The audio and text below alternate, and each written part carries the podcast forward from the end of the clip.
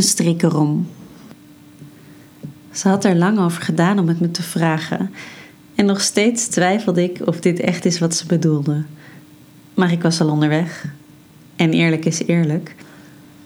Ik had wel eens nagedacht over hoe het zou zijn. De gedachte alleen al maakte me nat. Heel nat. Dus ik was, zoals ik zo vaak had gedaan, onderweg naar hun huis. Maar dit keer met een ander doel. Ik bel aan en begroet haar zoals ik dat altijd doe. Alsof er niks anders is aan deze avond. En al snel heb ik door dat dit voor haar vriend ook echt zo is. Hij heeft geen idee van het cadeau dat ze hem wil geven. We nemen een gin tonic. En nog geen. En nog een paar om de avond op gang te houden en moed in te drinken. En net als ik denk dat ik nu echt moet stoppen met drinken, komt ze dichter bij me op de bank zitten. Haar hand gaat over mijn been. Ze draait mijn gezicht naar haar toe en ze zoent me. Lang, langzaam, diep.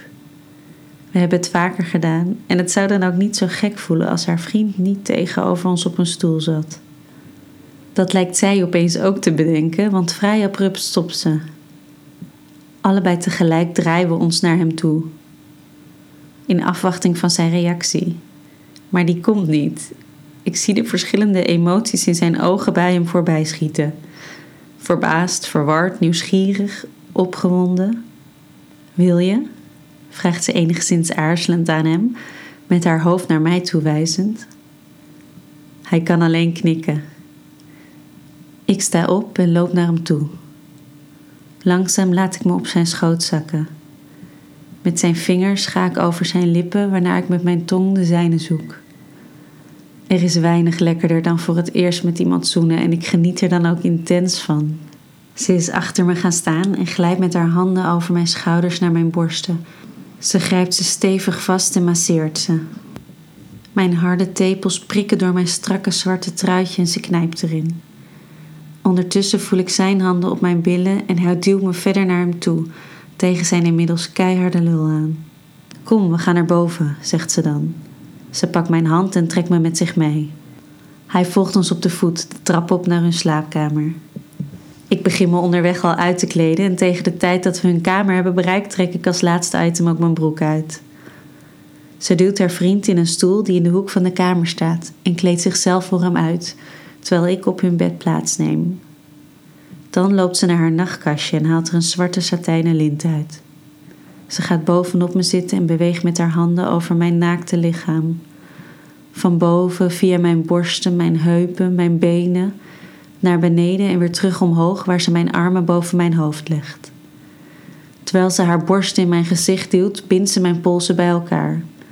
Ze trekt het lint strak aan en legt er een stevige knoop in. Dan glijdt ze weer met haar handen naar beneden en zoent me.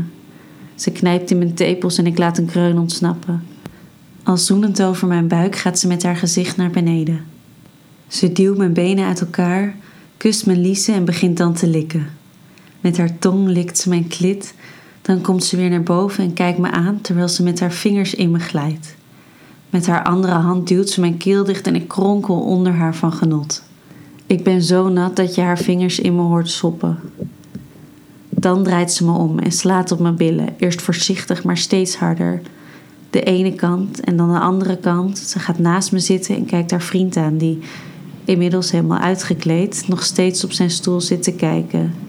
Gefeliciteerd, schatje, zegt ze met een geile stem tegen hem.